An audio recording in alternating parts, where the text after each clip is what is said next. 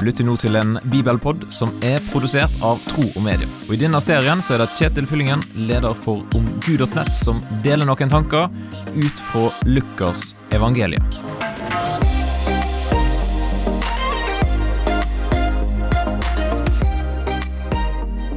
Hva er det som viser at noen har innflytelse eller makt? Et godt tegn er når folk gjør det de får beskjed om. Når jeg var i militæret, så var det sånn at eh, dersom du fikk en ordre for noen som hadde myndighet, noen vinkler eller stjerner, ja, da utførte du det med en gang. Når ordren kom, så var det bare å iverksette. I dagens bibelpodtekst så demonstrerer Jesus at han ikke bare gir seg ut for å ha myndighet, han viser at han faktisk har både makt og myndighet. I evangeliet til Lukas kapittel 4 vers 31 til 37 så står det Jesus tok veien ned til Kapernaum, en by i Galilea. Han underviste dem på sabbaten, og de var slått av undring over hans lære, for han talte med myndighet. I synagogen var det en mann som hadde en ond og uren ånd. Han satte i å rope av all kraft, Hva vil du oss, Jesus fra Nasaret? Er du kommet for å ødelegge oss?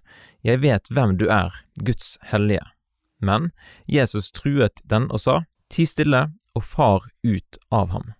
Den onde ånden rev mannen over ende midt iblant dem og for ut av han, men uten å skade ham. Alle ble forferdet, og de sa til hverandre, Hva er dette for slags tale? Med makt og myndighet befaler han de urene åndene, og de farer ut. Og ryktet om han spredde seg over alt i omegn.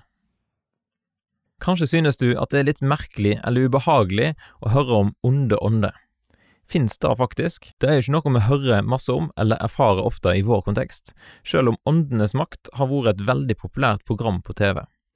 Men uansett så tenker jeg at et viktig poeng vi kan ta med oss fra denne teksten, det er at det er typisk Jesus å ha makt og myndighet. Og da tenker jeg at det er bra å være på lag med Jesus. Hva tenker du om disse ordene her i Lukas kapittel 4? Du er velkommen til å dele dine tanker med meg. Send eh, gjerne en e-post til kjetil.troogmedier.no, og så håper jeg da at du har lyst til å dele Bibelpodden med noen som du kjenner. Da ønsker jeg deg en fin dag, og så poddes vi plutselig igjen.